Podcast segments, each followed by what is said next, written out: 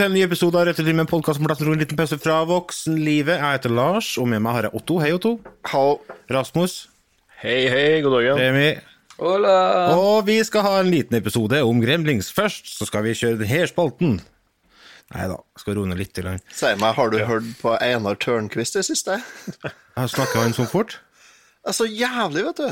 Hvorfor For jeg det? driver og hører Ja, det kan jeg ta når vi kommer dit, men i hvert fall, han burde ha vært Han burde ha gått an så bare fått senka han til 50% hastighet i alt han er med i. Ja, for Man har jo ikke så mye vettugt å komme med, så hvorfor har han det så travelt med å si det, tenker jeg. Det er jo litt av problemet. Ja. Ja. Han prøver å Ja, ja, selvfølgelig. Han prøver å Virke smart. overskygge det faktum at han ikke han har noe å si ved å si veldig mye. Det er som politikertriks. Kanskje? Det kan det kan. Nei, i hvert fall, han er sånn som burde ha vært satt på hasj-mode. På, du vet, har, har du prøvd det når du hører podkast? Eh, hva da, Satt på hasj-mode. Det er du kjører 60 hastighet. Ja. Jeg prøvde å kjøre det andre veien. Jøss. Og der sa dere nok at det der er litt sånn skummelt på YouTube. Hvis dere går inn på uh, Ja, la meg selvreklame litt med Twin Stick Gamers. Der er det jo Hvis dere setter på 0,75 hastighet der, hjelpe og trøste, det høres taurig ut. Ja, Der, der har du hasjmodus der. ja. Apropos Men da- hasj, hva har du gjort siden sist? Så jeg vurderer om jeg skal krysse inn panda nå. Det her blir jo ikke bra. Jeg ble kontakta av en bekjent, og han hadde 160-170 laserdiskplater. Hva heter det? Tvangsjakke? Eller tvangsgenser? Jeg husker ikke hva det heter. Tvangstrøye. Tvangstrøye! Tvangsgenser? Hva har du gjort siden sist? Det går rykter Otto, om at uh, Julharstad kom til Steinkjer, stemmer det? Jularsen er gummi. Ja. Du, Nei, du, han kommer. Han har ikke kommet ennå, men han kommer. Det, det står jo i avisa, greier, vet du. Denne julehasjbilen kommer. det er trivelig. Rød, lastebil, full av lys. Uh, er med en tjukk mann med rød og hvitt drakt og hvitt skjegg som selger. Ja. Dealeren. Så da vet ikke jeg hvordan det skal gå. Ungene maser. Jeg sier nei. Dæven ta. Den bruker vi sjøl. jeg hørte en uh, podkast i dag som heter for uh, Historiepodden. Har dere hørt den? Historiepodden. Nei, det tror jeg ikke. Det er to gutter, eller to menn, som eh, driver og prater om eh, ja, historien. da. Så det er masse sånn eh, Veldig mye spennende tema de tar for seg. Blant annet så har de snakka om eh, han finske snikskytteren som ble eh, Den hvite døden, hva er det han ble kalt? Ja, hadde en episode om han og, og mye annet. Og i dag så hørte jeg en episode om uh, det som de har kalt for um, The Glasgow Ice Cream Wars. Ja. Og det, var ikke, det er ikke så koselig som det høres ut som. For det som var greia, er at um, borte i Glasgow der så drev de uh, og solgte dop fra isbilene. Og så krangla om territoriet og sånn, da, så isbilselgerne ble skutt og alt mulig. Så det var litt sånn heftig. Det er spillet, det.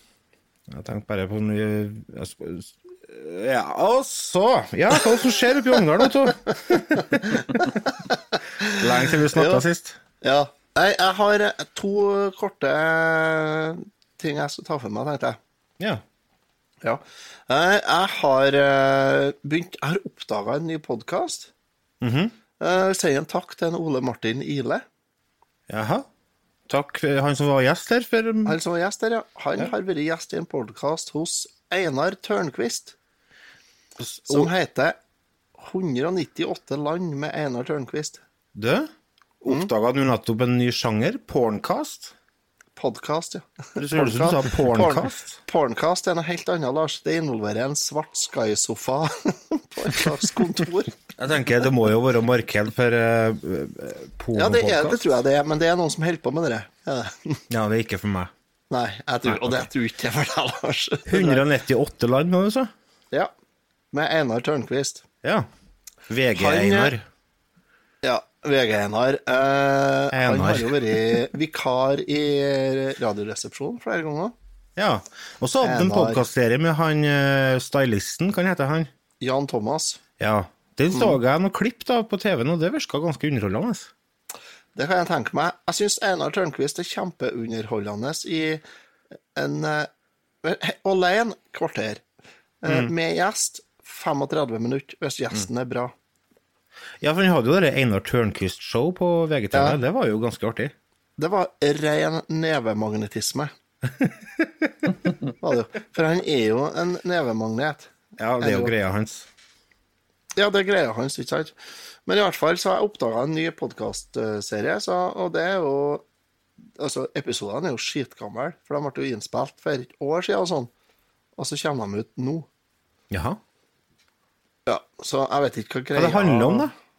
Nei, det handler om forskjellige land. Så kjedelig? Ja, det er jo sånn Det høres jo kjempekjedelig ut. Hva er det som gjør at programmet blir spennende da, og artig? Det er gjestene som er tingen, er det. Og så taket deres på det. Sånn som Ja. eksempel Ole Martin Ile, så han var jo gjest og snakka om butan. Butan, Eh, Er Det jo en, en gass? det er en gass, ja. Det er jo det du bruker på Hvis du ikke har propan, så bruker vi, da bruker vi butan. Ja. Men eh, nei da, det er jo et land òg, ja. Mellom Nepal og India borti der. Nedi der. Ja. Høyt over havet og I hvert fall. eh, han var jo i utgangspunktet negativ til at folk skulle dra til Bhutan som turister, han eh, Ole Martin. ja. Og etter hvert som han fortalte om landet, så ble jeg av det. Altså, det har jo det har jo aldri stått på lista mi over reisemål. Egentlig Bhutan har det jo ikke. Nei. Eh, det gjør ikke nå heller. Nei. Så nei, så det var Nei, det var bare sånn Ja. Ja, OK. Nei, så da Vi skal ikke dit, nei. Nei. Nei. Men kanskje vi skulle sjekke ut Han eh, Ole Martin var jo en kjempeunderholdende type, så Ja, kjempe Ja, ja, han altså, Podkasten var kjempebra. Episoden med han var Det er en av de beste han hittil, i hvert fall. ja. Men jeg har hatt to-tre episoder nå, før jeg har hørt alle. Mm. Ja. Så, og det har ikke kommet ut så, så mange, ja. jeg tror det er 15-16 episoder som har kommet ut. da. Ok. Så, men i hvert fall en sånn øh, Hvis jeg skal gi den en karakter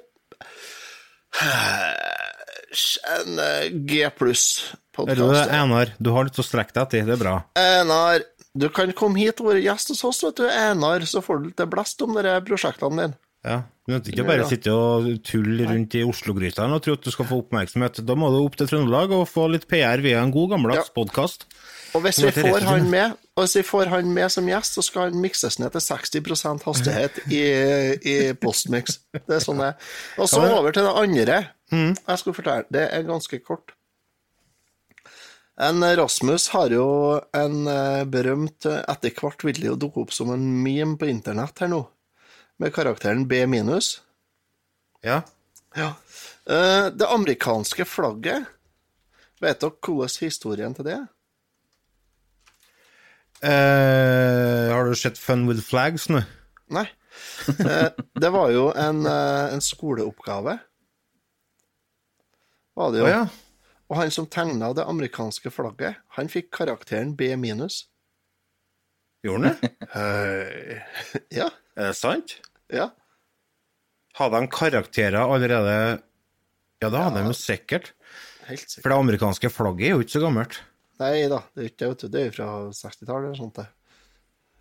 Ja. 1770, sikkert. I hvert fall. I hvert fall. Eh, Det var, det var da punkt to. Kulepunkt to. Ja. Jeg tror jeg bare Jeg drøyer resten av kulepunktene. Jeg har fire-fem til, men jeg kan ta dem litt etter hvert i stedet. Så kan kanskje noen andre fortelle litt om julehasjen i sin by. Da tar vi eh, juletoget ned til Halden. Hei, Remi. Hei. Hvordan står det til nå der? Det står eh, bra til. Har vært borte en liten stund ifra podkasten. Tatt litt sånn tid for meg selv. Mm. Eh, har hatt litt eh, som har skjedd på privaten som må ta hånd om, så da har jeg gjort det. Det er viktig. Eh, blant annet eh, faren min som havna på sykehuset igjen med noe hjertegreier. Ja. Eh, oppi alt annet som eh, skjedde der, sånn. så det var litt mye som foregikk. Men, eh, men nå er liksom ting litt sånn på vei tilbake til normalen, og det er jo deilig igjen. ja, det er godt å høre. Ja. Eh, så har jeg kommet litt i gang med trening igjen. For jeg har dårlig kne og dårlig rygg og dårlig kropp, så det er godt å få le av kroppen litt. Så det er fint. Mm. Og så har jeg spilt litt spill. Og eh, havna tilbake litt på den her eh, The Long Dark-kjøret. Eh, jeg vet ikke om du, du har hørt om The Long Dark? Eh, nei, få høre. Eh, det er et spill som, eh, som ble utgitt i 2017. Et sånn overlevelsessimuleringsspill. Oi, sånt er digg. Ja, så det er sånn førstepersons uh, view, holdt jeg på å si, uh, eller perspektiv. Og så er det Du spiller en, eh, en Bush-pilot, Will McKenzie, som uh, krasjer fly i, uh, i, skogen i Canada. Ja. Uh, og det er iskaldt, og det er ulver, og det er eh, Ja, du, du må på en måte fyre opp bål og smelte snø for å få vann og finne mat og Å, det høres helt konge ut. Ja, det er veldig, veldig spennende, og samtidig da så har du, hadde du med deg ekskona i fly, så du, og hun er borte når du våkner, eh, Ja. så du må liksom ut og, og finne henne, da. Eh, og da jeg hørte om det her? rusler du da inn til en liten sånn landsby og litt sånne ting. Og, eh, utrolig kult spill, produsert av Hinterland Games. eh, det ble lagd eh, av en sånn kickstarter i 2013.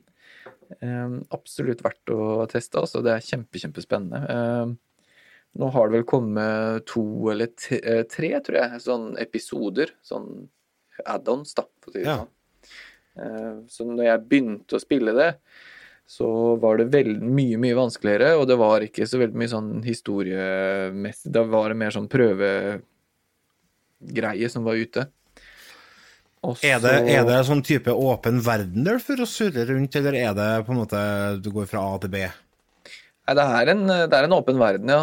Eh, og så Det er litt sånn selvforklarende hvor du skal gå og litt sånne ting, men du kan rote deg bort uh, skikkelig og fryse i hjel uh, hvis du ikke Ja, for du blir jo trøtt og alt mulig sånt noe, så hvis ikke du finner eh, en hule du kan fyre opp et bål eller noe sånt noe, så er du i trøbbel. Du må samle ved og sånt, da, eller? Samle ved og øks for å hogge opp veden lettere og alt mulig, alt mulig sånne ting som du på en måte trenger, da. Eh, Så finner du litt våpen etter hvert og litt sånne ting. Og det her er på, er på PC, Ja? Det er på PC, ja. Jeg ser det tilgjengelig på Xbox 1 og PlayStation 4 og Mac og Linux i tillegg. Ja, der kan du se. Det er på PlayStation og Xbox, ja. Det visste jeg ikke. Men, eh, Men det st jeg, jeg er nemlig slått opp på Wikipedia her nå, for jeg måtte se hva det handla om. Og Da står det blant annet det at spillet har flere regioner som man utforsker for å finne nødvendige ting for å overleve, som f.eks. mat, verktøy, medisiner osv. Spillet har også en story mode som blir gitt Ja. ut. Så det, i utgangspunktet så er ikke story mode, altså. Eh, nei, for det var det jeg Jeg spilte det ikke i story mode først. Først så var det liksom litt sånn survival strategy-opplegg, men så tror jeg det kom et story mode etter hvert. For når jeg eh, ikke hadde spilt det på en stund og gikk tilbake og spilte det, da kom det opp en sånn beskjed på skjermen at det jeg hadde spilt uh, før, ikke fungerte. Eh, og da måtte jeg begynne på nytt igjen, og da var det story mode hvor jeg måtte finne, finne ekskona og litt sånn. Mm. Så hvis du ikke spiller i story mode, så er det på en måte bare med å overleve lengst mulig, eller? Ja, det, jeg tror det, og det er dritvanskelig, for da, da er spillet vanskeligere. Ja. ja men det høres ut som eh, noe som må testes, altså. The Long Dark, altså. Det må Har du runda det, Rasmus Remi? Nei, har ikke det, men jeg har eh, Jeg gikk inn på steamen min her nå, ser jeg har sittet og knota i 17 timer med det her, så jeg har Oh. spilt, eh, spilt litt. Ja. Eh, men det er Jeg har mye igjen. Ja.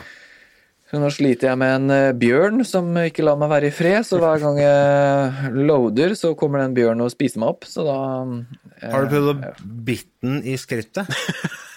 Nei, det har, Har du? jeg ikke. Det har jeg fått hørt, det er sånn tips. Bit bjørn i skrittet. Ja, ete ball hvis han ikke oppfører seg. Okay. Du må ta, altså, ta en runde med de folket som driver og gir deg tips, du. Jo, jo det, altså det, det jeg tror ikke det er jeg enig i. Ja, det tror jeg. Men det høres ut som at det er litt sånn i samme løypa som dere kona som jeg har drevet og snakka om. Nei. Ja, dere, men det var jo mer sånn etterforskningsgreie, var ikke det? Jo, men altså, det er jo overlevelsessimulering der òg, for du er nødt Ja. til å holde varmen, og du er nødt til å få i deg mat, og, Mm. og ta en røyk for å slappe av og sånn der òg. Og så er det jo lagt liksom til litt samme plassen, det er villmarka i nordlige Canada. Eh, så det høres ut som et litt sånn, litt sånn samme opplegget, liksom, bare bortsett fra at det er jo en Ja, det er jo en eh, en sånn uh, kriminalhistorie, da. Du spiller ikona. Mens her er vel det overlevelsesgreier etter en sånn katastrofe. Ja, Ja, her det- i Ja. Det er litt uh, ting som har skjedd, som man blir uh, hele tiden dratt framover. Fordi det er eh, Det er en eh, Det har skjedd noe rart, eh, og så vet man ikke helt hva det er som har skjedd. Og så eh, møter man på noen karakterer som forteller litt her og litt der, og så blir man egentlig eh, Det er derfor Det er det som drar det fram, da, for du blir hele tiden nysgjerrig på hva som skjer. Eh, Jeg ser det koster 70 kroner nå på, på Steam, så det er ja, Det er jo ikke all verden, da. det er, eh, det er verdt pengene. Det er det Ja. virkelig. Mm. ja. Takk for tipset. Det skal lastes ned etter innspillinga her. Jeg ser det at uh, det er sånn, kommer sånn folk spør også om dette når du googler det, vet du. Så der er det 'What does the long dark mean?' en time. Der tenker jeg uten, uten å være noe forutinntatt, så tenker jeg at det har litt med noe porn å gjøre. Skal vi se. Det Nei, det gjorde ikke det. Da er det jeg som er OK. Ja, nei, da er Det som blir porno. Alt, Nei, det var alt blir porno. Nei, nei, alt blir Nå, nå Jeg har ikke gjort Nei. Men jeg Det er vel den tredje ølen som gjør det, da, som vanlig. Ja, helt sikkert. Det er rødølet. Det er rødølet. Enn den eh, godeste Rasmus. Ja, sånn sett bort ifra at jeg sitter og plages med lydkort som finner for godt å dette ut i ny og ne, så har jeg nå funnet på litt av hvert, egentlig. Eh, egentlig det som jeg har Er det sånn at det er sånn dagligdags uh, skjer, Altså, Nei. At du sliter med det nettverket? Nei, Nei, det er jo det, da. Det har jo vært fint lenge nå, men eh, Ja. så er det jo opptak på Retrotimen, og det er jo da det pleier å skjære seg. Ja, det er ikke sånn at du sitter og spiser middag, og så detter lydkortet altså. Det, det kan jo for så vidt være. mute, mute. Plutselig blir helt slutt på slakteriene. Ja, jeg streamer altså ikke 24 timer i døgnet, men det var for så vidt artig overgang, det. Altså, det er egentlig det jeg har litt lyst til å snakke om. Det er at um, jeg og min gode kompis eh, Vegard, som faktisk har vært med på en ekstra for dere Patrions som følger med litt, vi har begynt å spille Bloodborne på PlayStation 4 sammen, Coop, mens han sitter hjemme oppe i Snåsa og ja, jeg vet ikke helt. Jeg tror kanskje det Jeg tror han er veldig fornøyd med å ha noe å finne på, da. Sånn utenom eh, sånn fritidssyssel oppe i Snåsa. Jeg har akkurat flytta dit. Men det er særdeles artig. Bloodborne er et av de tøffeste spillene jeg har spilt på nyere konsoll, i alle fall. Det, det stikker seg frem som et usedvanlig utfordrende spill, men eh, Er ikke det kjempelett, da? jeg syns ikke det er så vanskelig som folk skal ha det til, men jeg syns heller ikke det er enkelt, nei. Nei. Det varierer veldig. Eh, Det er jo primært bossene som stort sett eh, gir det største hodebryet, da. Er det Bloodborne hun norske Twitch-streameren er kjent for å runde eh, sånn, Kjøre sånn no-hit Jeg tror det, ja. Jeg lurer på om det var det. Eller er det Dark Souls eller noe sånt? det? Ja, folk som spiller det ene, spiller ofte det andre. da. Jeg er av den sorten som faktisk bare har spilt Bloodborne og aldri prøvd Dark Souls, men Jeg skjønner, nå Ja. hva dere snakker om. Norsk kjerring? Ja, det- No. Ja. ja, det er Dere popler til. Skal vi se, jeg får bare etablere litt hva Bloodborne egentlig er, da. Eh, Det er et sånn tredjepersons eh, action-rollespill. Til Ja. Eksklusivt til PlayStation 4, faktisk. Eh, Det er for Dio-fans. Ja, litt sånn. Det er jo det. Drager og Nei, det er mer. Dark Souls. Bloodborne er litt mer sånn eh, viktoriansk London-setting, der de har sprøyta inn en god dose med sånn Lovecraft horror og skrekk og gru. Med okay, sånn Cthulhu ja, Cthulhu-monster og et eller annet med noe sånn eh, bloddoping gone wrong på mange måter. Så det er en by som er tatt helt over av monster og galskap, og du er en såkalt hunter som kommer til byen Jarnum på jakt etter uh, pale blood for å kurere en eller annen slags sykdom du har, da. Og så viser det seg etter hvert at det er eksepsjonelle mengder med sinnssyke monster og skapninger som du egentlig ikke helt klarer å forstå hva er som står bak eh, alt som foregår. Og spillet er på mange måter som et godt, gammelt Nintendo-spill, i form av at det forteller deg egentlig ingenting. Det bare giver deg rett ut og så får du enten dø eller klare deg på dine egne premisser, og så får du egentlig bry deg om bakgrunnshistorie og sånn, til den grad du følger for det. Ja. Du eller krever pengene tilbake. Det er nok mange skjebner, det. Da er det og da er det ei norsk dame som jeg da antar spiller på nett, Mm. og der de prøver å gjøre det som heter for no hit. Ja. Noe som er, det er- det, det vil si at altså, i spillet her så er du særdeles utsatt for å bli truffet og skada og drept, og miste ganske mye fremgang. Og det å spille gjennom et helt Bloodborne-spill uten å bli truffet, det for meg høres helt sinnssykt ut. Men det er folk som gjør det. Det er folk som spiller gjennom uh, flere av dem i- på rad, som type Dark Souls 1, Dark Souls 2, Dark Souls 3, Bloodborne, uten å bli truffet. Og hvis de blir truffet, så starter de alle spillene på nytt igjen. Så folk er sinnssyke. Det finnes jo en diagnose på dette, vet Ja. du. Det, der er det jo noen tvangstanker ute og går. Det må det jo være. Det er jo ikke øh, det, det er jo Da tenker jeg Da kan vi begynne å diskutere om spilling egentlig er sunt, eller ikke. Ja, sant. Når det blir en sånn mani over det. Men det er særdeles imponerende. da. Ja, ja, herregud. Altså, det er imponerende at folk klarer å springe 100-meteren på ni sekunder, men øh, det er ikke dermed sagt at det er for alle. Nei.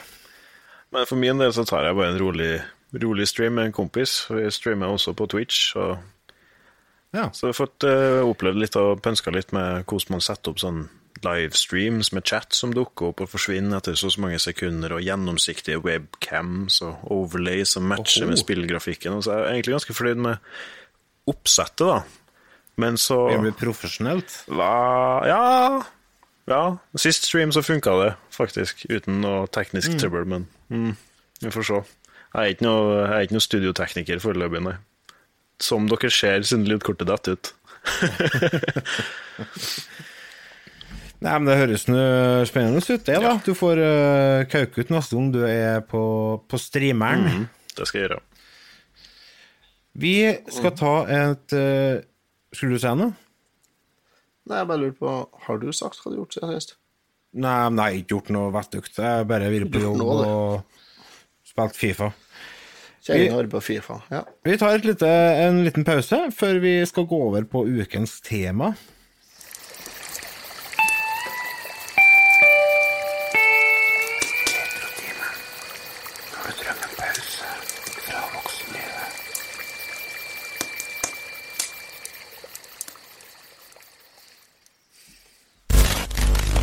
These go to 11. But they'll never take our freedom! Ezekiel 25. You're gonna need a bigger boat. Nobody puts baby in a corner.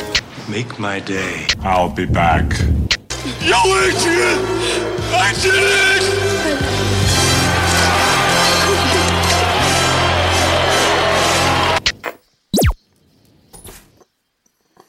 Steven Spielberg presents Gremlins. Billy Pelser has a nice home, Billy, is that you? Yeah, Mom, it's me.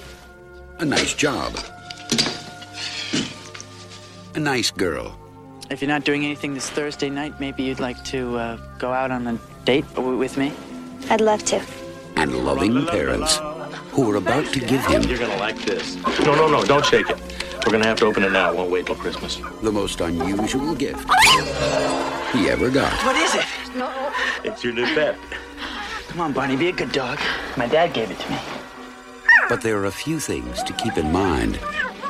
If you expose it to the light, you may hurt it. If you get it wet, it will multiply. All that from water? They got wet? Yeah, plain water. And most important, no matter how much they beg, never, never let them eat after midnight. Because when they do, They change. Rafe.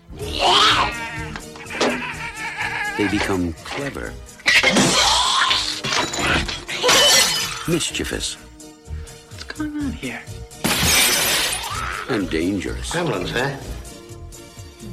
Little monsters. Right. Hundreds of them. Well, I, I don't know, maybe thousands. They've been here too. Billy, what are these things? Where do they come from? Look, I know it sounds crazy, I know. But in a few hours, you're gonna have a major disaster on your hands.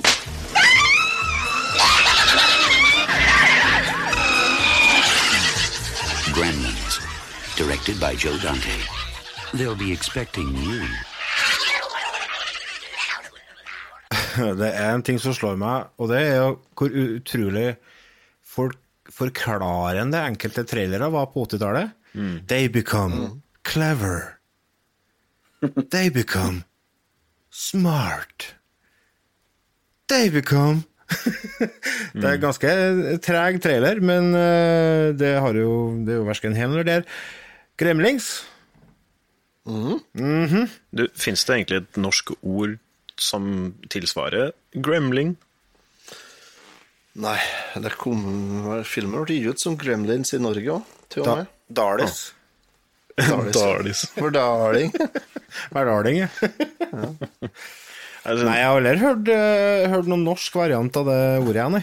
Det er jo, det er jo den engelske versjonen på hmm, hva er det, danske begrepet, vel ikke computeren. Ja. Så sånne småtroll som bor i uh, duppedittene dine, er en gremlin. Sånn type når uh, TV-en din fusker eller bilen ikke starter, så har du kanskje en gremlin der. Det er liksom en sånn gatemyte, og dere der hørte vel Spielberg om, og fant ut at hæ, der har vi et filmkonsept, og så laga han en film om det. Ja, så, så konseptet med Gremlin eksisterte før i filmen, mener du? Det tror jeg, ja. Siden, ja, det virker Ja. etablert. Ja, dem- Det, det er nok, var nok etablert, ja. Ja, for det, det er jo litt dialog i filmen òg som kanskje tyder på det, da. De driver og prater om det der med Du må sjekke Sjekk bilen din i motoren og bla, bla, bla. Men eh, eh, filmen her er laga av en eh, Cal som heter for eh, Joseph James Dante. Eh, dere Kjent for en del maleri og sånt, eller ikke? Dante. Dante? Filosofen, du mener? Han illustrerte Var det ikke han som illustrerte den den boka om helvete og det der? Bibelen? Dantes Da, Inferno, Dantes. Inferno du tenker på, du? Ja. Nei, Er ikke det samme film, nei? tror ikke bare segwayer vi et helt annet sted som vi ikke behøver å bruke masse tid på. Ja, og jeg vet ikke noe om det heller. Jeg tror ingen av oss egentlig kan noe om det. Helt Ja, unødvendig. ja. Ok, vi spør Det er egentlig ei bok som heter Divine Nei, Comedy. Divine Comedy. Av uh... Ja. Ja. Det er en av de viktigste historiske verkene i litteraturhistorien. Ja, altså, historisk verk er vel å ta hardt Men jeg det. Det er et historisk verk, ja. I aller høyeste grad. Divine Comedy. Ja. Det er, ja, hallo, det er jo en av de viktigste bøkene som er gitt ut. Hvem var det som skrev den? Det er en eh, Det er en Dante, jeg husker ikke hva han heter til etternavn. nei. Peak. Dantes Peak, ja. Hva heter, hva heter han eh, på dere, den TV-serien på 90-tallet, han som var så jævla sutrete? Han eh, Å, gud, hva han heter da? Der hun Kate Holmes var med. Katie Holmes, ja, det heter det. Katie Holmes. Dama til han eh, Tom Hanks Nei, Tom Cruise. Altså, han som skrev Divine Comedy, han heter Dante Alighieri. Dante Alighieri var det. Ja. Ja, så da var det en liten avspor avsporing. Hvilken film var det du snakket om? Hva er Reisen til julestjernen, var det?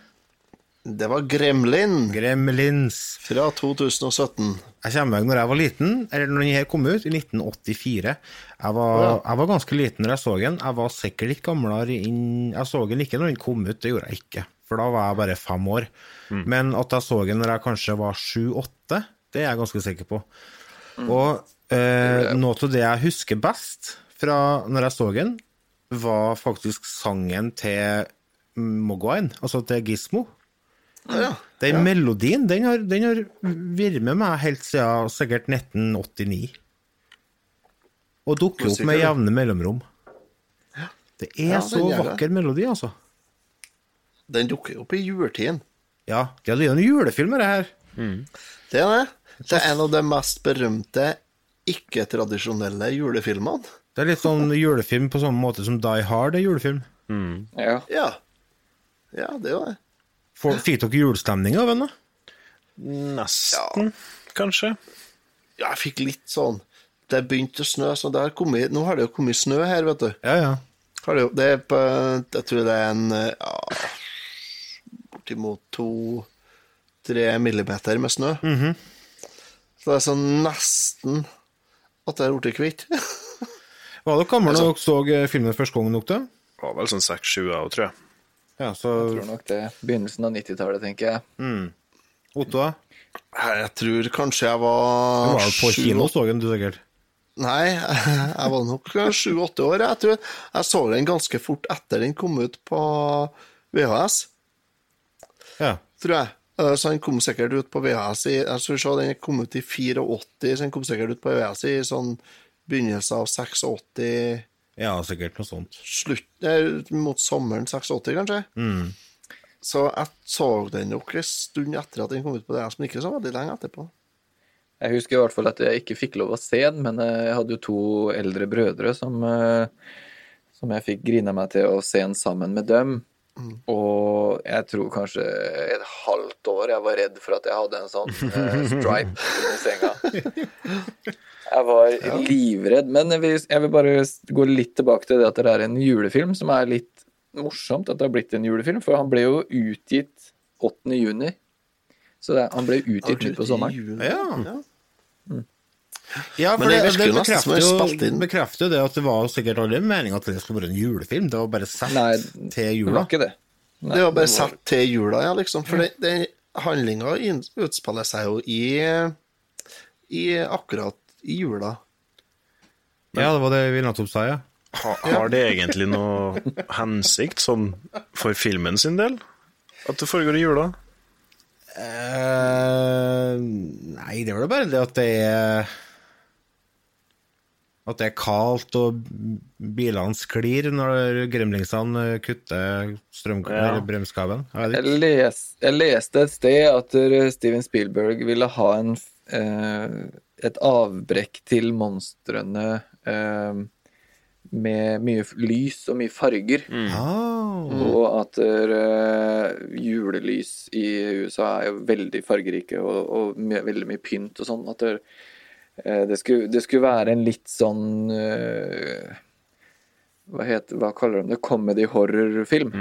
Eh, og da passa det bra at det var i juletid, for da, da kan en brekke av det skumle med det koselige, da, for å si det sånn. Hvordan syns dere egentlig skrekken i filmen her funker? Syns det funker ganske bra, jeg. Ja, uh... Til å være det det er. Altså, det er jo ikke en skrekkfilm for 18-åringer. Her er, her er jo en, en, en skummelfilm for tolvåringer. Mm. Ja, det er akkurat det det er. Og det syns jeg fungerer bra. Ja, det syns jeg òg. De, de har eh, den eh, Den kjøkkenscenen, blant annet, med hun Ja. mora, den er ganske effektfull. Med Plutselig kommer ut av skapene, og, og de, de er jo ikke søte, de monstrene, for å si det sånn. De er ganske stygge å se på. de er det. Men Ja, det er det. Den kjøkkenscenen der er helt utrolig herlig. Ja, den er det. Ja, den den er fantastisk. Det er jo sånn når jeg sa til kjæresten min at du, blir du med og ser Gremlins i morgen? Så sa jeg ah, ok. Ja, det kan vi godt. Ja, den med Jeg husker bare masse sånn småtroll og og en uh, food blender. Ja, Foodprosessor, ja. Det er den. Og det, ja, Det er det, var egentlig akkurat det jeg husker jeg òg. Det var den gremlinen som er nede og rasker etter noe mat nedi mixmasteren, og så kommer mora inn og bare skrur den på. Ja, jeg husker mikrobølgeovn i scenen, det samme scenen. Og så er det den derre Den legendariske trappeheisen Ja. Ja. Å, herregud, ja. Og du, Lars, var jo snar med ut og så, så peke til den trappeheisen og så si at det var den filminga som er gjort der, Ja. at det er tatt med så mange forskjellige kameraer, gjør at den blir blir ikke noe dårligere, i hvert fall, for å si det mildt. Nei, for veldig ofte eh, på 80-tallet og 70-tallet og sånne ting, når ting skulle gå fort, så gjorde de bare det at de bare kjørte opp hastigheten på filmen. Og det er nok gjort her òg, men i og med at de skifter mellom ett nærbilde av hun eh, Dolores, heter det? Dolores? Mrs. Deagle, tror jeg det var. Deagle er det, vet du. Deagle, ja. Uh, og et uh, vidbilde skal jeg si, av hele rommet. Altså Det er tre eller fire forskjellige kameraer tror jeg, som brukes som det skifter mellom veldig fort. Så tenker du ikke over at det er, at det er fortfilm. sånn at den effekten holder seg utrolig bra, syns jeg. Ja. ja. Og det er jo det er jo der den, det er jo den sånn, sånn horror-comedy dette her. her. Og det er jo der comedy-aspektet kommer inn. Det er når de begynner å ta livet av dere, dere gremlinene. Ja. ja. Og når gremlinene begynner å ta livet av folk. Ja, ja. Ja, ja, for ikke å snakke om det. Det var herlig. Noen er med litt ekle. Første gangen gremlinene drepte noen, var vel kanskje når de tok over den traktoren til han naboen der og bare kjørte over han og kona. Ja, det er kanskje Det det. var sterkt implisert at de strøyk med der. Ja, ja nei, det er klart det. Han var jo bare glad i flaska, det var ikke noe galt med han, men samtidig så har du Mrs. Deagle, da, som er etablert som nabolagets skrekk i form av eh, ei trollkjerring som går rundt og plager, plager Mm. ungene med å true dem med at hun skal ta livet av bikkja deres og sånn. Mm. Hun er jo hun er et mareritt. Det Er synd at eh, svi, svinmer. Altså, hun Ja, hun hun, hun er ond. Hun er skikkelig Ja. evil. Hadde hun kommet i kassa mi når jeg satt i banken og sagt det at dere bare vent til jeg får tak i hunden din, så skal han lide en langsom død, så hadde jeg faen meg fika til henne, altså, så hun hadde ligget langflat. Ja. du hadde tjuvkabla eh, Trappeheisen selv, neste år, så. Ja, helt klart. Fy faen, for en udregelig kjerring. Men uh, å få, få til å hate henne sånn at det er greit at hun dør, Ja. det er fikk de til. Mm. Ja, det var lettvint. Mm. Ja. Den filmen Nei, ja, Jeg satt og kikket på besøkstallene for Steinkjer kino, som sikkert er ganske representativ for resten av landet. I 1985 ja, sannsynligvis. Onsdag 15. januar 1986 så er topp 10-lista over de mest besøkte filmene i 1985. Det var førsteplass, Politiskolen med 5006 besøkende. Rambo og Med døden i sikte, Ronja Røverdatter, Orion spilte, Ghostbusters, Tilbake til fremtiden, Kampen om den grønne diamant, Ungkarsfesten, og så på tiendeplass Gremlins. Med 2144. Det, jeg tror det var en større film enn Jeg jeg hadde ikke sett Ja. meg at uh, Steinkjer. Jeg tror Gremlins har bygd opp moment Ja, det- eh, over åra, jeg. Det tror jeg òg, nemlig. Ja, men nå skal vi huske på at kino på Steinkjer i 86 så hadde jo Forsvaret, for eksempel, de hadde jo IØ-13 på Steinkjer, da. Men de hadde egen kino. Hadde de. Så det var ikke mye vernepliktige og så kino her. Og da, hvis du utelukker vernepliktige, så var det ikke mer enn 15 000 innbyggere i hele Steinkjer kommune. Og så hadde vi så Det var ikke nei, nødvendigvis 2000 besøkstallene jeg tenkte på, men det var at det havna på tiendeplass. Ja, ja. Det kommer på hvor mange forestillinger de kjørte òg. Det er noe med det òg, Det var den fjerde mest innbringende filmen i USA i 84, da, så på, på verdensbasis så var den jo veldig populær. Han var det, men jeg tror det tok litt tid, som sagt, før etter han Men det her var jo 80, ja, 85. For se hvordan andre filmer Det var Ghostbusters. Den var jo Det sier seg sjøl, den klarer ikke å nå opp dit. Ja, altså Tilbake til fremtiden var det året, og sånt, så det, Ja. var jo, det var jo veldig mye bra filmer. Det var det, vet du. Nei, ja, nei, men da, likevel. Altså 2000 besøkende på kino på Steinkjer, det er ikke så verst, det. For jeg ser for meg det, det er ikke sikkert den gikk noe mer enn eh, Husk på, det her var jo gammelkinoen, så var jo der eh, borti på Studenten. Ja. Lite, lite lokale. Ja, lite lokale. Så nei, jeg vet ikke. Nei, jeg tror, jeg tror kanskje det må være bra, det, altså. Filmen uh, fikk jo en del pepper, da. Hva gjorde den? Gjorde det? Eller eh, Vi lever jo i en alder hvor eh, Eller en tid, da, for å si det sånn, hvor alle blir krenka for alt mulig. Det stemmer, vet du. Eh, og det var faktisk eh, litt sånn før òg, selv om man eh, vil ønske å tro at det ikke var sånn. Men eh, han fikk litt pepper fordi at eh, de mente på at det var for mye eh, hint til at gremlinsene eh, ligna eller, eller oppførte seg som svarte menn, da. Eller uh, black, stereo, black American stereotypes. Jeg ser den, faktisk. Det er en, Ja, det det- er en del av de gremlinene som er litt sånn Jo da.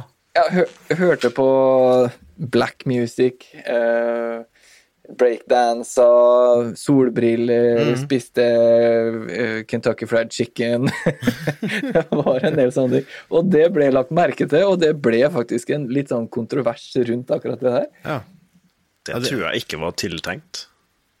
Nei, Nei, det, det tror tror ikke jeg heller. Men jeg tror heller var det at uh, kanskje den stereotype slemmingen, kriminelle, på 80-tallet i USA, var svart. Ja, var, ja, ja det, det tror jeg. Så Og det er han jo fortsatt, stakkars. Ja.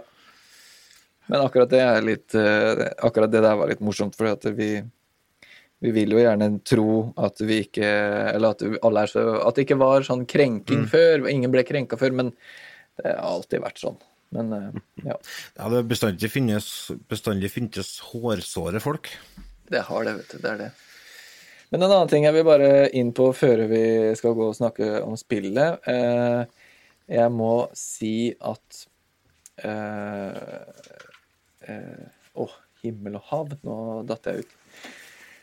Animatronicsen i filmen, puppeteeringa, Ja. er, det er noe av det beste 80-tallet har, har kommet med, tror jeg de gremlinsene og, og, og Gizmo Jeg, jeg la spesielt ve veldig merke til det. Vi kan dere gå tilbake og se akkurat når, eh, når han får Gizmo, når han får den opp i fanget, når han tar den ut eh, når han ser den. Og så sitter jo hunden hans ved siden av. Og, og så hun bøyer seg fram, og så slikker han Gizmo på øret. Og da reagerer Gizmo med en gang. Og liksom han, han skvetter og snur seg og ser opp på hunden og liksom han øh, bøyer litt på øret og sånt nå. Og det er, det er jo en som sitter og styrer Gizmo eh, med en fjernkontroll. Men for en reaksjon på Gizmo Han ser jo eh, mer eller mindre levende ut. Altså, det var jo Jeg husker at når jeg så den, så ville jeg ha en egen Gizmo. Ja, ja. Og Det salte det solgte jo som hakka møkk, de bamsene som var laga av han. Ja, det Furby-greiene, var, det- var det egentlig off offisielt lisensiert Gremlins-produkt, eller var det en slags uh, klone? Jeg tror det var noe annet, egentlig. Ja, men dem, Ja, det var noe annet. de er det jo var veldig like. Ja. Og, Ja. altså, men jeg tenker det at altså, Grunnen til at folk ble veldig glad i denne figuren, var jo fordi at de fikk veldig medfølelse for den.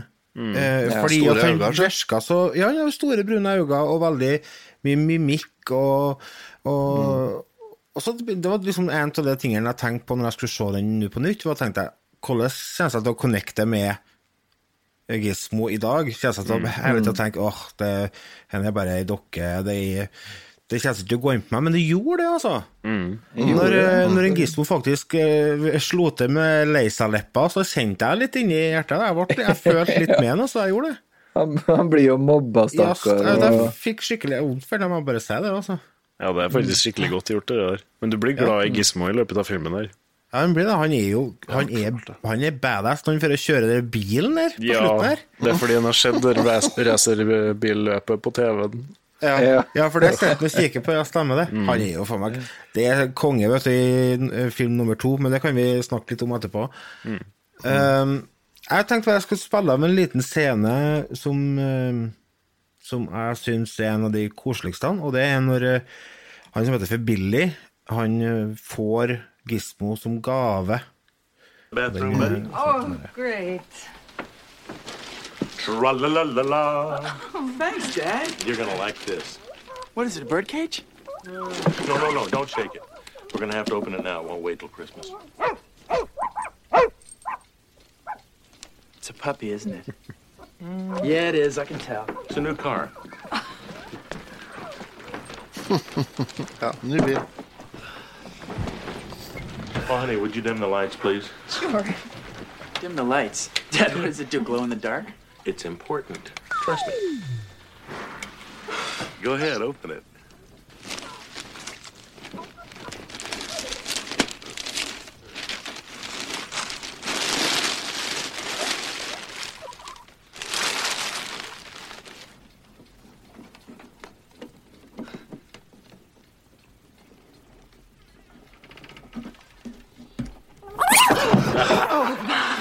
What is it? No. It's your new pet. Come on, Barney, be a good dog.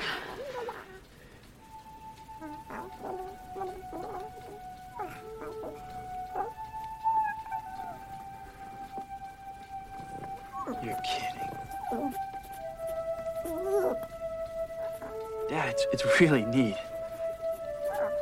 Where did you get this? Oh, some little junk store in Chinatown. Can I pick him up, Dad? Sure, go ahead. Just be careful. You gotta be gentle. I will. I hope he's housebroken. Oh, isn't he cute? Has it got a name, Dad? Nei, det er um, Han er så nuskete når han blir løfta opp til den kassa her.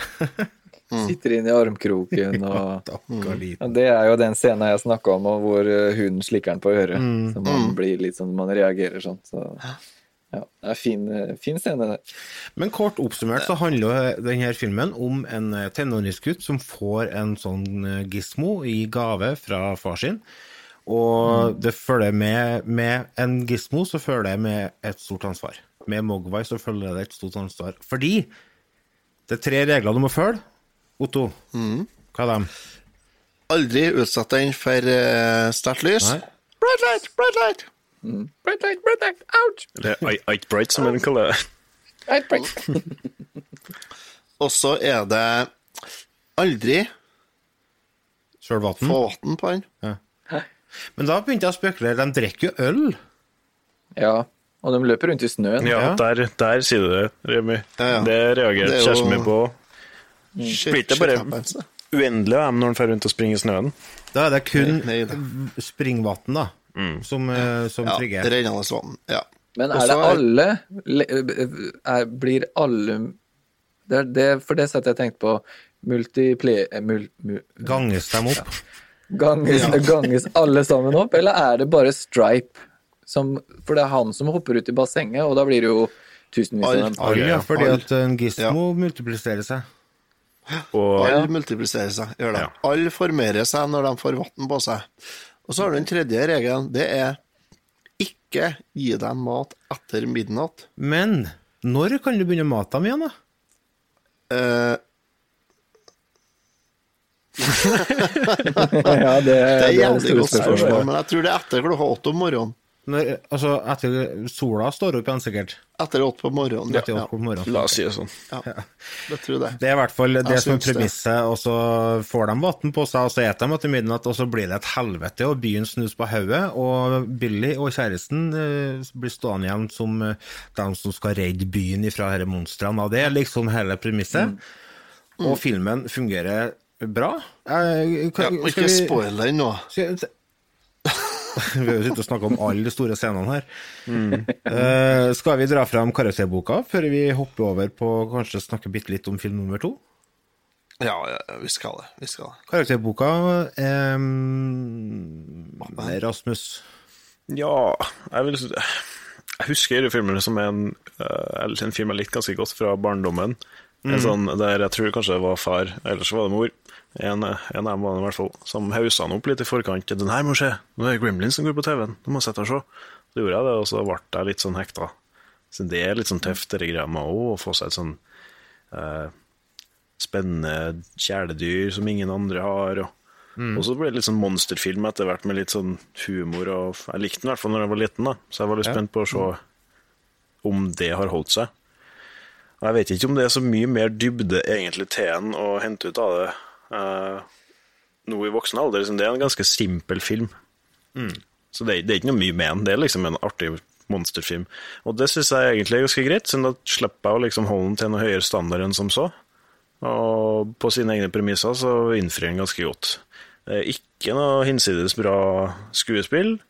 Eh, og det er litt sånn Det skjer ikke så mye. Det, som vi nevner, så er det liksom det som skjer, eh, som skjer. Han skaffer skal dere skapningen, og så skjer det seg litt, og så blir det en hårete situasjon, og så ordner det seg. Og så er det artig på veien. Så jeg tror jeg bare slutter å prate fjas og bare gir filmen her en uh, god blank G. Enn uh, du da, Otto? Ja, eh, Rasmus har jo oppsummert filmen veldig bra her nå. Altså, den er Jeg har sett den Jeg har sett den vanvittig mange ganger. Eh, filmen er sånn helt OK. Jeg kan ha den på uten å følge med den, fordi at jeg kan den, egentlig. Men det er liksom en sånn eh, Ja, jo da, det er en grei film. Er, det er Grimlis. Det er, det er noe Grimlis. Så nei, det er en G. Det er en ren, blank, skinnende fin G. Da har vi 2G. Eh, kjenner jeg deg, Remi, rett, så skal du dra opp snittet litt. Ja. S pluss eller noe, vet du. Hvis jeg tar på meg nostalgibrillene mine, eh, tenker på det som en eh, god En av de beste, kanskje, julefilmene som eh, gir god julestemning. Og alt jeg liksom husker ifra den filmen fra barndommen og alt, så er det en S. Lett. Eh, hvis jeg tar av meg nostalgibrillene og ser på filmen for på en måte det han er i dag, så er det en M pluss, eh, fordi det er, eh, det er så bra lagd, og eh, animatronicsen og alt det her er sånn, er eh, De gjør det nesten Jeg tror ikke du gjør det noe særlig bedre i dag med det de har i dag, eh, når det kommer til den type teknologi, den type måte å lage film på. Så, mm, så jeg syns at den filmen her er, eh, er verdt en, en meget I hvert fall en meget. Ja. Eh, Gremlings er for meg en av de filmene fra 80-tallet som uh, på en måte symboliserer 80-tallet for meg. Eh, på, I lag med Back to the Future og Indiana Jones. Uh, alle de storfilmene fra 80-tallet som, som ofte blir referert til når det er snakk om, om 80-tallet. Og nå når jeg så den, så var det veldig lenge siden jeg har sett den sist. Jeg har sikkert ikke sett den siden 90-tallet. Men som sagt, den, eh, jeg huska mye av scenene fra før, og jeg huska musikken. Og jeg syns at filmen fortsatt er underholdende. Jeg syns den eh, har mye sjarm. Jeg syns den har eh, god musikk. Så for meg så er filmen her en M i dag. Det skal få litt pluss i boka for et utrolig bra theme. Mm, ja, absolutt. Det, er altså, hovedtemaet fra, fra Gremlings er jo digg, for å si det Går sånn. sikkert eh, ut eh, i dag med det, tenker jeg. Jeg tror vi skal kjøre en outro på det i dag, ja. Men eh, når vi skulle se en film igjen, da, så ble vi jo gjennom her. Vi skulle se Gremlings. Det er lenge siden, lenge siden vi har eh, hatt eh, Vi har aldri hatt det. så vi tar den. Og så ser vi den alle i hop, og så sender Otto melding i går. Jeg så Gremlings 2. Nei, Nei, forrige dag. Mandagen. Helt Ja, uvesentlig for historien sin del, Otto, så du trenger ikke henge deg opp i oss detaljer. Du har sett feil film. Jeg har sett feil film. Ja. Ja, nei, for vi skulle jo, vi skulle jo spille et spill òg. Ja. Og, og da tenkte jeg at dæven, jeg må se filmen til spillet, for den er lenge siden jeg har sett. Mm. Å, herregud, lenge siden jeg har sett Gremlins 2. Ja. Så jeg gleder meg. Åh, og den var jo skitbra. Var det, jo. det var jo det kjøpesenteret, og dæven, den var jo så bra. Eh, Så Og det kunne den sikkert ha vært. Så nei, da, det er, da har de Den kom ut i 1990, Ja. eh, Gremlins 2. Eh, Den bygger videre på at da har eh, hovedpersonene fra første filmen De har eh, altså han eh, Billy og hun er Kate, Nei, Katelyn Nei, hva heter det? Kate. Kate, kanskje. Er det Kate? Ja. Kate. Jeg trodde det var Katelyn. Hvorfor. Er det bare Kate? Ja, det er Kate. I hvert fall Billy, Billy og Kate, da. De har flytta inn til storbyen. De jobber i, eh, et sånn, eh, i en sånn skyskraper på, som styres av en sånn eh, av en sånn industrimagnat som liksom har tenkt at han skal ta over verden, skal jeg til å si. Eh, det var kanskje dårlig forklaring, men i hvert fall de eh, jobber i det som heter for Clamp Center i Manhattan. Clamp Center. Clamp Center. Uh, der det bygget er bygd på tomta der den der gamle kinasjappa der han Gismo uh, holdt til. Sjappa til Mr. Wing. Ja. Mr. Wing. Eh, det var ikke rasistisk ment. Uh, og der, uh, i hvert fall, så har han bygd et sånn business-senter der. Og han Gismo han har vært uheldig og blitt plukka opp i bakgate av to skal vi si gale forskere, da, to tvillinger, som jobber på et sånn genlaboratorium i det der Clamp Center. Ja. Der finner jo selvfølgelig ja, Nå skal jeg rushe litt gjennom historien her. Billy finner jo plutselig ut at han Gismo holder til oppe i genlaboratoriet. Fordi at det er sånn eh, leveringsbud som går og plystrer på sangen hans. Og så er han oppover og redder han og tar med ut, og så spruter det vann på han, og så blir det mange av han. Og så går alt til helvete. Selvfølgelig. Så de må redde verden igjen. Og ja eh, Etter andre gang så er det på tide å kakke Gismo i bakhuet og bli ferdig med det greiene der. Ja, jeg tenker det at jeg òg at jeg, kanskje, kanskje Gismo burde ha vært Han burde liksom ha tatt kvelden og Fått ei sånn sprøyt, tenker jeg. Sånn avlivningssprøyt. Ja. Det har jo ordna opp mye, det, da. Jeg beklager, altså, men du er for farlig til å leve. Så Mm. Du er søt, men uh, får stoppe deg ut, da. Fin fyr. Fin fyr. Liker deg godt, altså, men uh, Oi, oi, det går ikke. Det her går, Nå er det andre gangen. Nå spiste liksom alle gremlinsene opp halve Manhattan. Andre gangen som vi vet om, ja. Men du, har dere tenkt på at uh, Gizmo kan være faktisk uh, Guds løsning på overbefolkningsproblemet? Ja, det Nei, det har vi ikke. Det blir jo et nytt overbefolkningsproblem ganske radig òg. Ja, det gjør det faktisk. Nei, det er jo ikke, er havet. folk. Det er jo bare en ny rase som tar over, og det er jo veldig ofte sånn, da. Overberasning, da. Overberasning. Overberasning, ja. Jeg tror, jeg tror ikke jo- gremlingsene er lik nazi på å utvinne olje og alt sånt. I, Jo, for det det kommer de fram til i den uh, the second batch, nemlig. Eller new batch, det kan hete. Det er nemlig en av de gremlinene som drikker noe sånn hjerneserum. Å ja. Ja, han blir jo Og blir dritsmart. Ja, stemmer, det var noe sånt. Og han forteller det, vet du, at jo, planen vår, altså, det vi ønsker, det er jo bare å bli som dere, og, og, og oppleve fred og ta over planeten og buppeli buppeli bu. Altså, snur seg, og så skjøt han en av kompisene sine i ansiktet med pistol, midt i fjeset. Selvfølgelig har vi en litt viss vei igjen. Så, nei, altså, men eh, kort fortalt, det her er jo den filmen som jeg trodde vi skulle se fordi at vi skulle spille spillet. Gremlins 2, The New Batch. Ja. Så, men jeg kan gi en karakter på filmen, da, i og med at jeg har sett den.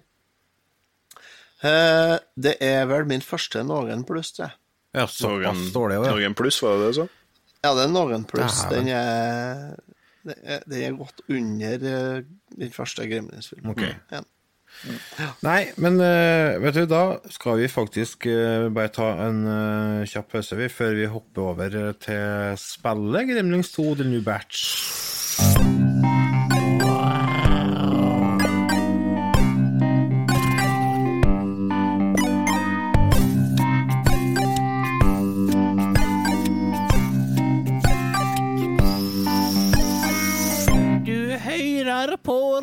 Retrotimen.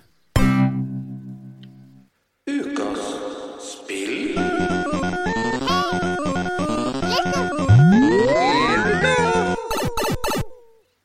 Hva du sa Den derre lyden som forrige jingle starta med, den derre Den er ganske røpende for uh, sannsynligvis de fleste av oss sin opplevelse med det spillet her, tenker jeg.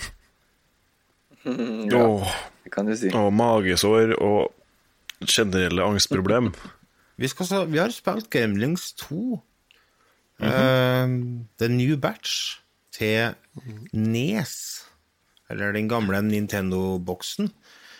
Dette er et spill som for min egen For min del så var dette et av de spillene jeg begynte å leie på den lokale videosjappa. Jeg lånte flere ganger. Uh, Sjølplager? Ja, men det var fordi at jeg var så glad i Gizmo. Ja. Du styrer jo Gizmo, og det er jo veldig fin grafikk jeg spiller her. Jeg kan forstå det, faktisk. Eh, Det er ikke han der av på coveret på nedspillet, da? Nei, jeg vet det. Han er ikke cov på bildet på coveret, men det er jo han du styrer. Ja, ja, det er det. Ja. Men det er ikke Ja. Så du Jeg husker jeg fikk eh, spillet av Jeg har nevnt Arne flere ganger før i podkasten. Mannen til min eh, farmor. Ja. Eh, han var som jeg var veldig glad i, og han, eh, han husker jeg kjøpte det spillet her til meg eh, en jul. Så det lå under juletreet, det. Eh, ja, 90-tallet kanskje. Ja, av 91 sikkert. Eh, ja, sikkert. Kom vel i 91. Eh, så eh, det spillet har jeg stående i hylla mi enda. Det er, eh, det er litt stas. Jeg har dessverre ikke esken og sånn, men eh, jeg har det Gremlins 2 The New Batch eh, til Nes. Det har jeg hatt da i Ja, hva blir det? Snart 40 år. Det var et av de spillene jeg oppsøkte Ta, vent litt. 30 år. I snart i lang tid. Otto. Ikke ikke deg opp i detaljer. Lenge har jeg hatt det. Det er snart altså. 40 år, hvis du Det er faen ikke snart 40 år. 40 år er, det var 70-tallet. Skal jeg mute deg, Otto? Det kommer jo Det er helt altså, Du ødelegger historia til en, du ødelegger historien til en eh, Remi når du driver og henger deg opp i detaljer. Ja, detaljer. 30 år, da. Altså. Drit nå i det. det har, jeg har hatt det lenge, i hvert fall. Men på alle de årene har du klart å runde av det? Nei. Aldri. Så det også. Ja, for det var jo Du, eh, Remi, sa jo det at Å, gyllen mulighet til å faktisk forsø forsøke å runde dette spillet. Ja. Jeg eh, gjorde et eh, ærlig forsøk, og, det tenkte jeg skulle gjøre sånn som jeg gjorde med Castlevania. At når vi skulle spille Castlevania, så skulle jeg nispille det spillet helt til jeg runda det. Og det gjorde jeg med Castlevania. Ja. Og så kunne jeg sende et bilde da ut på chatten at ha, runda det. Ja. Ja, og Lars satt jo ikke bare og spilte Castlevania, sånn random òg, gjorde vi jo. Hva var det? Jeg tror jeg kom, jeg tror jeg kom til sånn 3-2 eller noe sånt nå. Jeg, på, jeg kommer Åh! Jeg blir så gæren av de der flyvende gremlinsene som flyr over eh, alle de derre uh, høla i bakken som jeg detter ned i hele tida. Helvete. Alle er jo basert på filmen. Føler det er ganske kjett, ikke det? Ja, jeg vet ikke hvis, om vi skal si det. Men jeg sånn, føler en sånn helv... det, det er så lite du får se av en gismo i filmen. Så jeg tenker at hvis vi sier at spillet kanskje følger Gismo sin reise i filmen, mens filmen følger Billy og Kate, Ja. ja det var ikke så dumt. Det er eh. nok mer rett, egentlig. Jeg sitter og kikker på coveret nå, eh, og han uh, Stripe han ligner litt på han dinosauren som spytter på han kompisen til Kramer Ja. i Seinfeld. ja. I Jurassic Jurassic Park. Park. Newman. Ja, med de vingene. Stemmer det. Men når vi snakker om et spill som er basert på en film, det var jo ikke akkurat uh, stor hit på den tida der. Det var, kom jo bøtter og spann, sånne spill. Gjorde det. Men uh, det her er vel et av de bedre, bedre nedspillene som var basert på film. Ja. si. Ja, det vil jeg påstå. De har jo satt Sunsoft på saken, var ikke, var ikke dem som sto bak ja. det? Ikke sant? Sunsoft, det. Da pleier jo vanligvis å ordne seg, da. Det skjedde litt uh, ting da. Så det er jo et, selv om det er vanskelig, sånn som alle Nintendo Hard-spill er, så er det jo et bra spill med god musikk og Fin grafikk og bra og, kontroll og bra kontroll, så det har jo det meste. Ja. Ja. Det er usedvanlig frustrerende på mange måter også, da. Men som dere sier, det er det er et bra spill, liksom. Det, det er gode kontroller, og de er tålelig responsive. Grafikken er bra, det er enkelt å kjenne igjen ting. Ja, rett og slett mye, mye bra du kan si om det, men uh, Musikken er jo steikbra, egentlig. egentlig. Vi hører litt musikken? Ja, sure. Ja.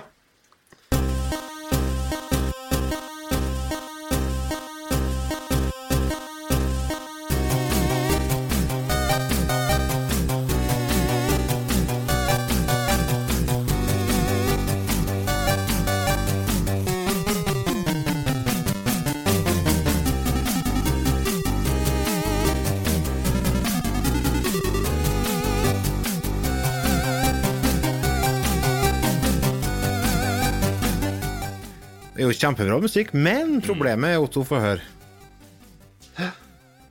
Få høre hva problemet er. Jo, problemet er at uh, når du er sånn som meg, i hvert fall, da, så, så må du høre det samme musikken veldig mye, da. Må du. Ja, det er akkurat det som er problemet. Ikke, ikke veldig mye, men jævlig mye! For det, Repetativt. Altså, det er fett. Altså, det er, fett. Det, det er kjempefin musikk. Du har fire kanaler med musikk og én kanal med lydeffekter. Du har fem kanaler. To kanaler mer enn du har vanligvis. Men læl! Mm. grunnen til at det går igjen og igjen og igjen, det er jo for at man ikke klarer å komme seg videre. Ja, det er jo det. Altså, så det, det, står, det, er jo, det er jo meg det står på. Ja. Men det, det, det ødela alt. Altså, Sunsoft har jo hatt ei så høy stjerne når det kommer til, til lyd og, og kontroller Altså eh, kontrollresponsivitet Hva er det? Kontroller-ting, tang. Respons, ja, hos meg.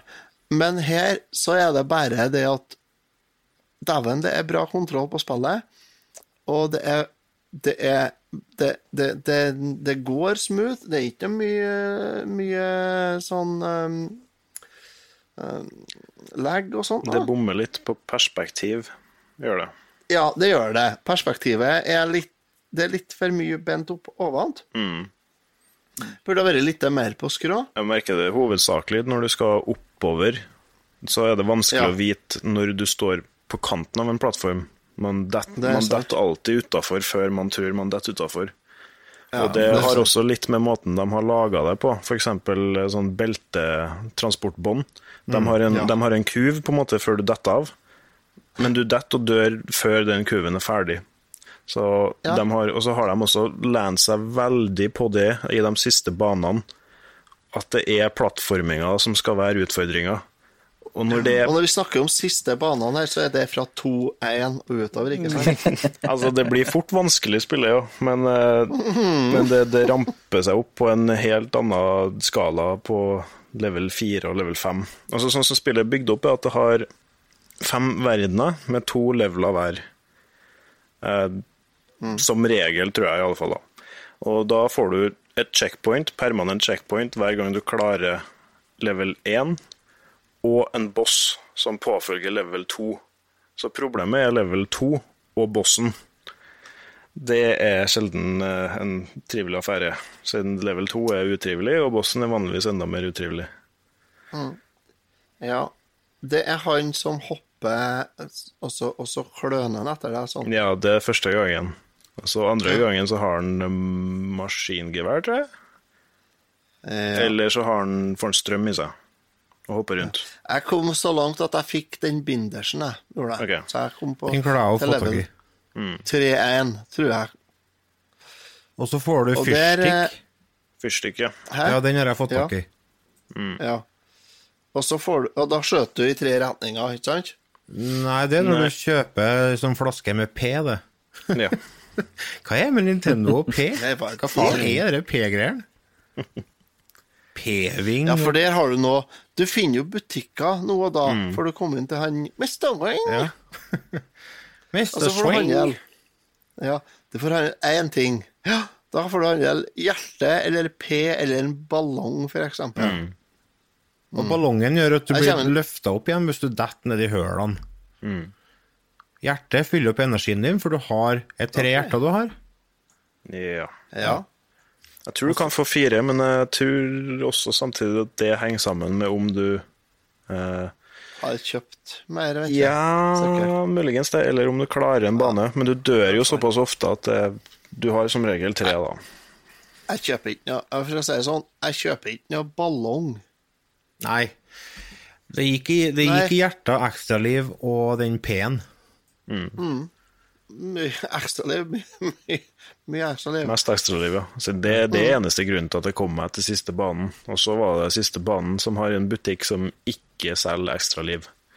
Og det er et Ja, problem. vet ja. De tenkte sikkert ja. at eh, ok, vi skal gjøre det litt utfordrende på slutten her. Ja. Kan gjøre det litt vanskelig på slutten. kanskje. Ja, kan bekreftes at de fikk det til. Det gikk bra, det. Det gikk veldig bra. Tror, tror, Jeg vil anbefale.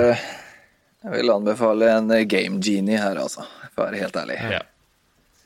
Ja. En Game Genie og en par koder her, så får du så mange ballonger du bare vil, og ikke ta, any, eller ta noe damage fra monstrene. Så da, da går det fint.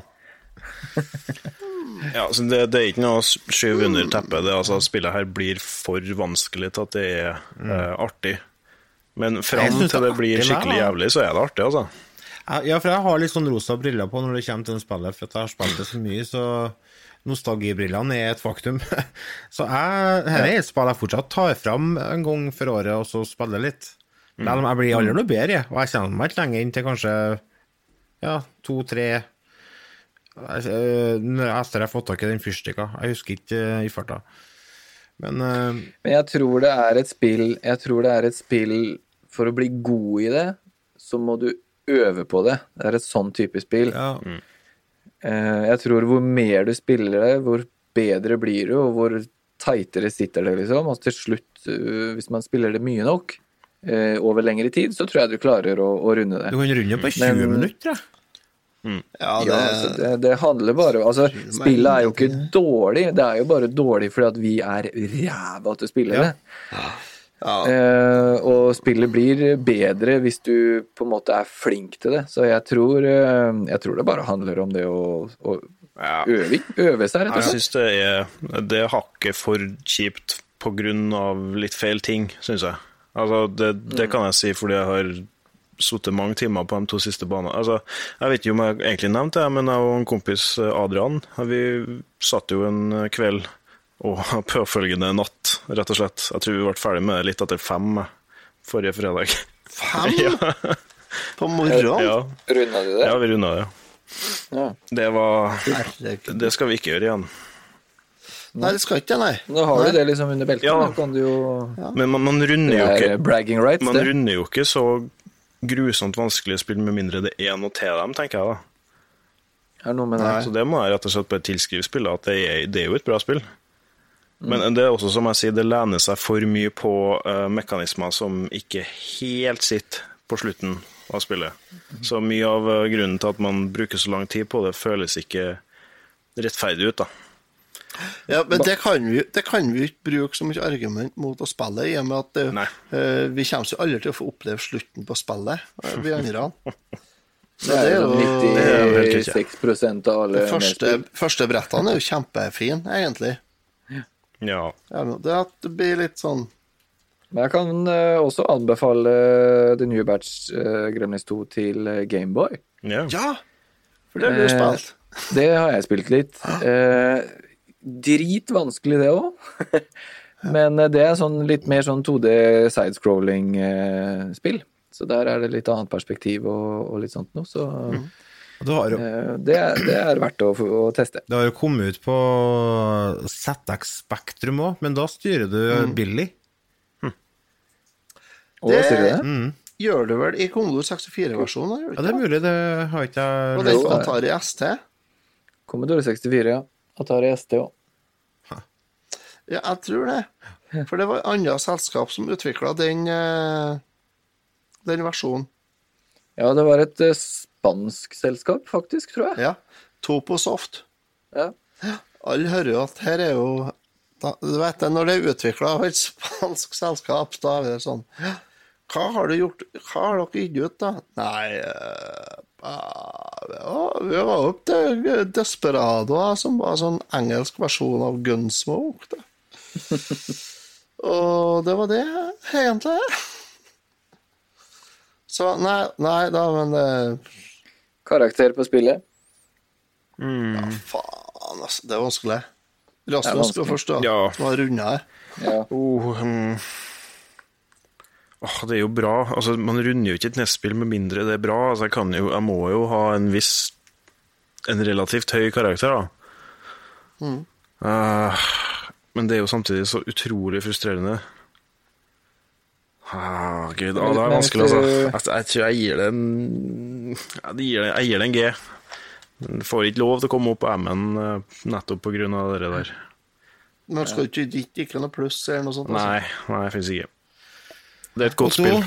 Vi har brukt stygglang tid på dette, nå. Må vi komme oss i gang her med karaktergivende. Jeg, jeg, eh, hater spillet, utviklerne eh, Ja, alle egentlig som har hatt noe med det å gjøre, hater jeg ganske intenst eh, etter å ha spilt en stund. Men nei, kjære vene, det er spillet er veldig godt håndverk. Det er veldig god kontroll.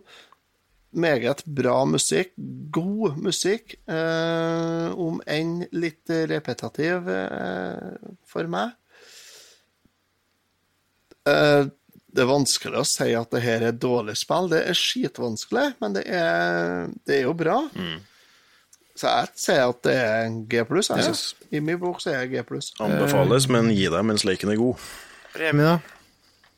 Jeg er egentlig enig i alt Otto sier, og gir den, eh, jeg gir en, en G pluss, jeg òg. Det er et spill jeg koser meg med, og jeg tar og setter i Nintendo eh, titt og ofte. Så ja, en G pluss. Ja, gruppepresset har dratt meg opp på en G pluss.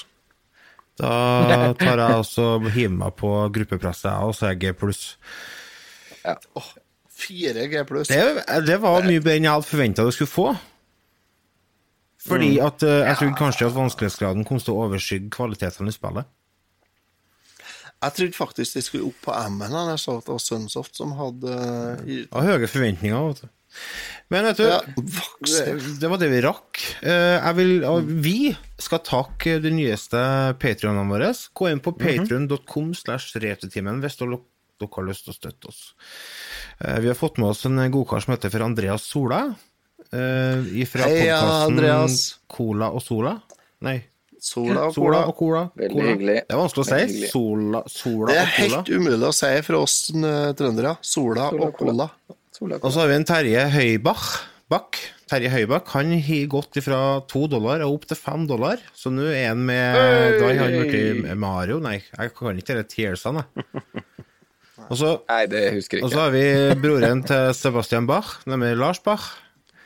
Og en uh, gammel kjenning som er med og bidrar mye i Retrotimens nettsamfunn, nemlig Lars Tørvik. Han hiver seg med. Lars! Kjempetrivelig at dere faktisk eh, følger oss på Patrion og støtter oss der. Det setter vi veldig pris på. Digger. Veldig. Um, Vi nærmer oss 50 patrions. Vi nærmer oss 50 ja, vi er oppe på 47. Oi, oi, Når vi kommer shit. 50, skal Otto springe naken gjennom sentrum. Det var det vi rakk. Tusen takk for oss. Og eh, per dags dato så skriver vi 27. november. Mm. Skal vi love ut en eh, juleepisode før vi går ut i juleferie? Det blir en juleepisode, og det kan hende at det blir en uh, anmelderepisode. Ja, stemmer det. Vi har en episode som vi må få fått ut eh, med masse spill som vi skal anmelde, så det er bare å glede seg. Fram til da Mm. så får dere bare kose dere. Vi høres. Kos dere. Ja. Yes. Ha det. Adios. Yes. høres. Because you never can tell. There just might be a gremlin in your house.